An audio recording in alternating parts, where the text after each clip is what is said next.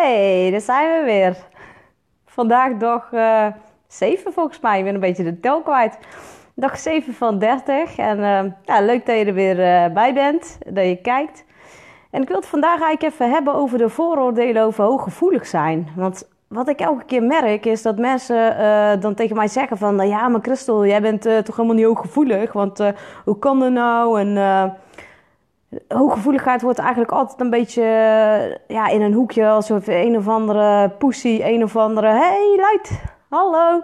Als je een of andere pussy bent of zo, weet je wel. En dan denk ik echt of een of ander mietje. Terwijl dat slaat echt helemaal nergens op, weet je. Dus ik wil even bij deze dat vooroordeel over hooggevoeligheid gewoon eventjes uit de wereld helpen.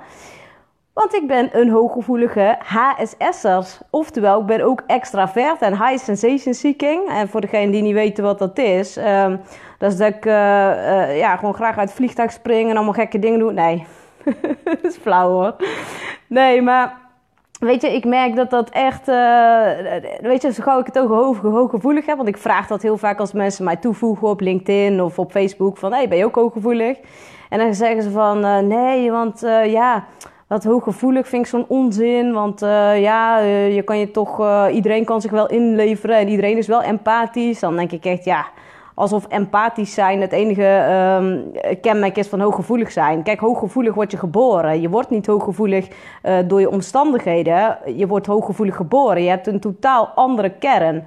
Weet kijk, en hooggevoeligheid is, um, is gewoon zeg maar dat al jouw zintuigen uh, gewoon tien keer zo scherp zijn als die van een ander, weet je. En dat je ook gewoon een hele andere kern hebt. Kijk, je leeft niet in principe voor jezelf. Je bent juist heel erg uh, bezig met hoe kan ik het uh, goed doen voor de groep. Hè? Dus je, je leeft niet vanuit individueel belang. Dus dat is waarom je altijd ja, waarschijnlijk jezelf als hooggevoelige wegcijfert. Want dat is iets wat ja, best wel vaak voorkomt bij hooggevoelige mensen. Heb ik zelf ook heel lang gedaan, totdat ik dan een beetje zat was. Want ja, je wordt gewoon overlopen. En, en omdat je het eigenlijk altijd goed wil doen voor de ander. Maar ja, je moet eerst zorgen dat je het zelf uh, voor jezelf goed doet, weet je wel. Ja, precies, uh, Eline. Eline zegt, ja, precies, bij ons staat alles heel scherp afgesteld. Ja, want weet je, ik hoor gewoon uh, tien keer zo goed als een ander. Ik hoor tonen die andere mensen helemaal niet horen, weet je wel. Ik heb, zei mijn moeder altijd, je bent net een hond, weet je wel. Je ruikt veel scherper en je hoort alles en... En toen dacht ik altijd, ja, ja, dat is ook zo, weet je wel. En uh, nou ja, zie, ik zie niet alles scherper, maar, uh, want, want ik heb lenzen van min 6,5 of zo. Dus in de opzicht is dat ook weer niet waar. Maar wat, wat, ik voel wel dingen op voorhand al aan, weet je wel. Als ik bijvoorbeeld met mensen een connectie maak of mensen praten over iemand anders... dan voel ik de energie van die ander. En ja, dan kan je denken van, dat is allemaal zweverig of dat is raar. Maar ja, dat is wel hoe ik het ervaar. En weet je, hey guy, hey Janneke... Ja, weet je, dus um, dat vooroordeel eigenlijk, dat wil ik gewoon ook een beetje de wereld uh, uithelpen. En um, ik vind dat ook gewoon heel irritant, want er zijn ook extraverte, hooggevoelige mensen en dat ben ik dus. En dat wil zeggen dat ik heb heel veel prikkels nodig juist. En um, ik ben ook snel overprikkeld. Dus ik heb snel, je kan dan in bore-out, doordat je onderprikkeling hebt, gewoon te weinig prikkels binnenkrijgt. En dat had ik bijvoorbeeld op het werk heel vaak. Dan uh, deed ik alles met twee vingers in mijn neus, zeg maar. En dan... ja, verveelde ik mezelf uh, enorm. En dan was ik eigenlijk alweer op zoek naar iets anders. Dat is ook waarom ik altijd weer...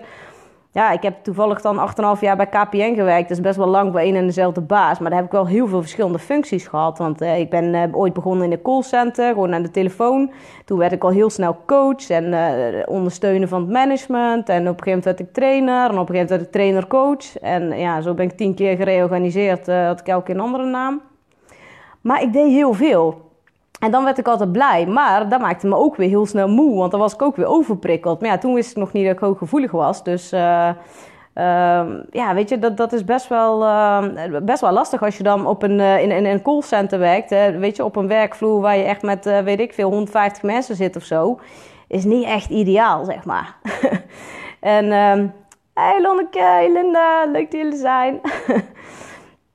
Nee, dus ik, ik, weet je dat. En, dan kreeg ik vandaag ook kreeg ik een eh, berichtje van een man op LinkedIn. En um, die uh, zei van. Uh, ja, besef je wel wat je, dat hooggevoelige mensen, dat jouw berichten nog wel schreeuwerig overkomen met die hoofdletters? Dan denk ik echt, oh gast, zout en op joh. Dat, dat lees je toch niet? Hé, onvrienden, klik, doei, move ermee, weet je wel.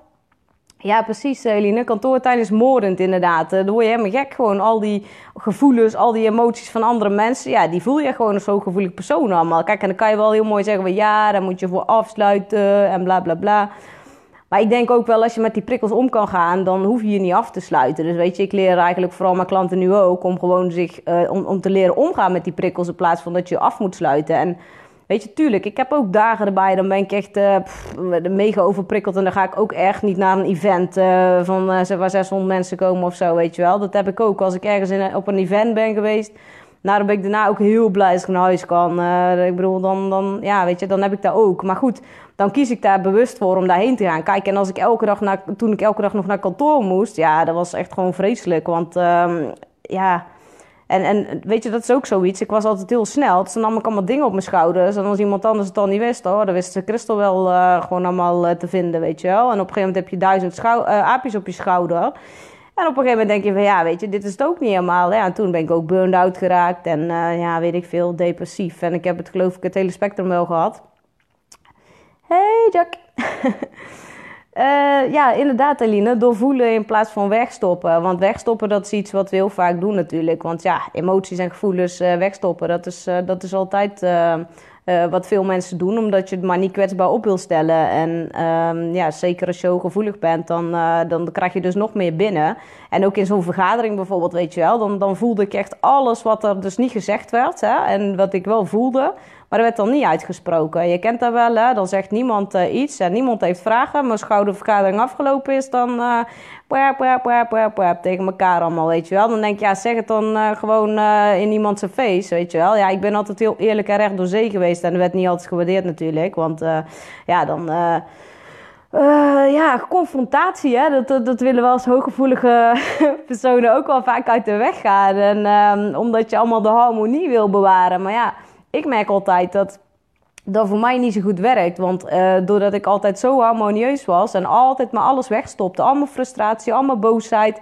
Ja, dat ging allemaal naar binnen, weet je wel. Dan had ik overal last van. Dan kreeg ik allemaal pijn in mijn lijf en allemaal spanningen. En ja, of ik ontplofte als zo'n soort bommetje, weet je wel. Dat je inderdaad gewoon echt... Uh, eigenlijk wordt het dan gewoon te veel. En uh, dan snapte ze ineens niet van, hé, hey, uh, hoe kan dat nou, hè? Christel, die altijd zo uh, vrolijk is en wow, wat is er nou ineens? Maar dat was niet ineens, dat was dan gewoon al iets wat heel lang opstapelde. En ehm, ik weet nog dat mijn manager toen ooit, toen kreeg ik een nieuwe manager. En die zei tegen mij elke keer, want ik was toen trainer-coach. Dus ik moest elke keer met hem overleggen hoe hoe het in het team ging en zo. En dan weet ik nog wel, dat dan zat ik, uh, was ik helemaal boos. En dan zei ik van, ja, ik moet even praten met je. En dan zei hij van, uh, oké, we gaan dit even anders doen, zegt hij. Hij zegt, laten we de, ja, hoe noemde hij het nou ook weer, stop of zo. Dan moest je sit, think, wat was het ook weer, opportune... Uh, organize and plan. En toen dacht ik, oké, inderdaad, even emotie en boe, weer laten zakken, weet je wel.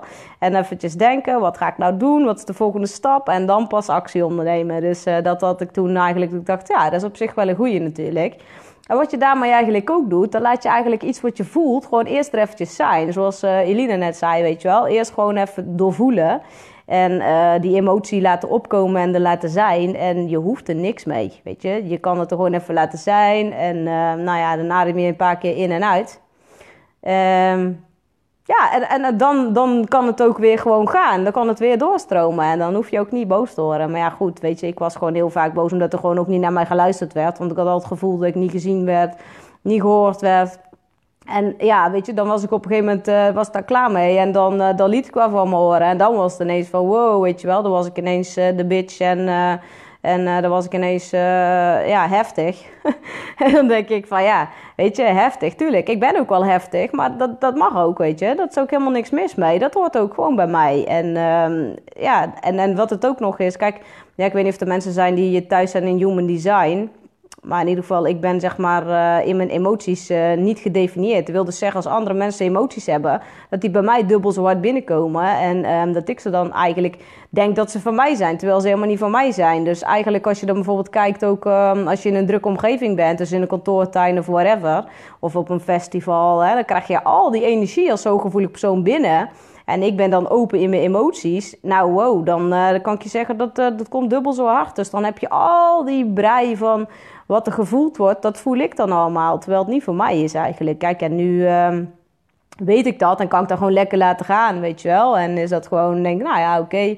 Het zijn niet mijn uh, emoties. Dus uh, mocht je trouwens geïnteresseerd zijn in human design, dan moet je maar eens kijken uh, op je human design. Ik weet niet, moet even op Google zoeken. Maar dat is wel echt mega interessant. Want sinds ik veel meer leef volgens mijn human design, dus zoals ik eigenlijk gebouwd ben, mijn blauwdruk, ja, merk ik ook dat ik gewoon heel anders met dingen omga. En um, dat ik ook niet meer zo hard van stapel loop met alles. Want weet je, ik kon altijd eigenlijk tien stappen vooruit. En dan dacht ik ineens, oh ja, uh, ik moet nog wel even terugkijken. Wat moet ik ook weer doen?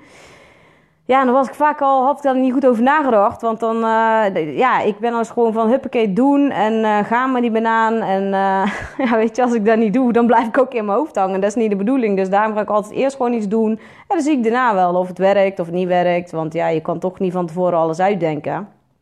En Um, ja, sinds ik human design heb leren kennen, is het ook wel gaaf dat ik weet van ik heb mijn buikrespons. Dus ik moet gewoon luisteren naar mijn gevoel. Dus is het ja of is het nee?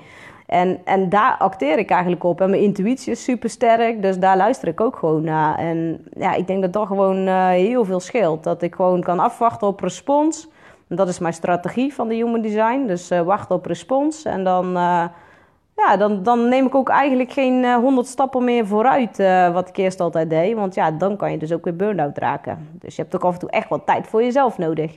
En uh, ja, weet je, ik heb ook gewoon uh, tegenwoordig, als ik gewoon moe ben, ga ik ook gewoon even slapen, weet je wel. Gewoon even lekker chill en of gewoon even lekker zitten, meditatie doen of een muziekje of gewoon even, even ontladen, ontprikkelen. En um, ja, dan kom je eigenlijk alweer heel... Als ik in mijn eigen energie ben namelijk, want ik woon alleen en dat is eigenlijk wel lekker ook. Want dan merk ik ook dat, dat ik gewoon heel goed bij mezelf kan blijven. En als ik bij een ander ben, dan moet ik altijd weer, ja, toch ook weer... Um, ben ik altijd geneigd om weer bij die ander te zitten, zeg maar, met mijn energie. En nu tegenwoordig kan ik veel beter bij mezelf blijven. Dus dat, uh, dat helpt ook wel. Maar goed, eh, de extraverte, hooggevoelige persoon is dus echt wel een beetje anders. En die heeft heel veel kenmerken van de ADHD'er. En um, ja, weet je, al die diagnose... Of ja, een diagnose HSP is trouwens geen diagnose. Maar ik bedoel, uh, heel veel dingen worden gewoon met elkaar verward, weet je wel. Dat is vaak, uh, ja, dat je... Mensen bijvoorbeeld een sticker ADHD krijgen, terwijl ze misschien gewoon hooggevoelig zijn. Kijk, een hooggevoelig, dat zit gewoon in je kern. Zo ben je geboren.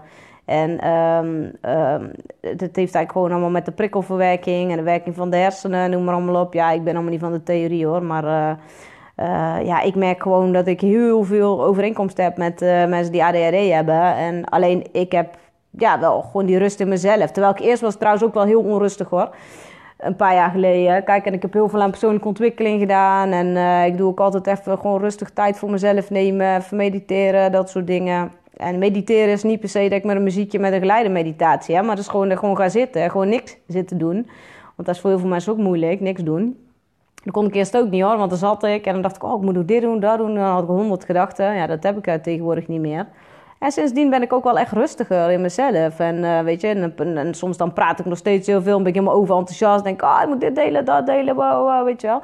Dan zeggen mensen van, nou, oh, heb jij geen ADHD? Dan denk ik echt, jezus, uh, wat, wat, een onzin. Mag niet gewoon enthousiast zijn. Uh, moet daar gelijk weer een sticker op geplakt worden. Want in de maatschappij zijn we wel echt van de stickertjes. Daar word ik af en toe echt helemaal scheidziek van mensen maar meteen een stickertje krijgen. Of kinderen ook, weet je wel. Douw er maar pilletjes in. En hallo, het is fucking drugs wat je mensen gewoon geeft. Als je ze, die, die rotzooi van die pillen allemaal. En denk van, ik vind eigenlijk, er wordt gewoon veel te snel gedaan eigenlijk. En denk van ja, laat kinderen gewoon die, die, die, die, die, stuiteren. Laat ze gewoon even lekker uitstuiteren. En, en behandel ze dan gewoon uh, anders, weet je wel. Zet mensen die dezelfde symptomen bij elkaar in de klas. In plaats van uh, 40 kinderen in een klas stoppen. Dat is ook zo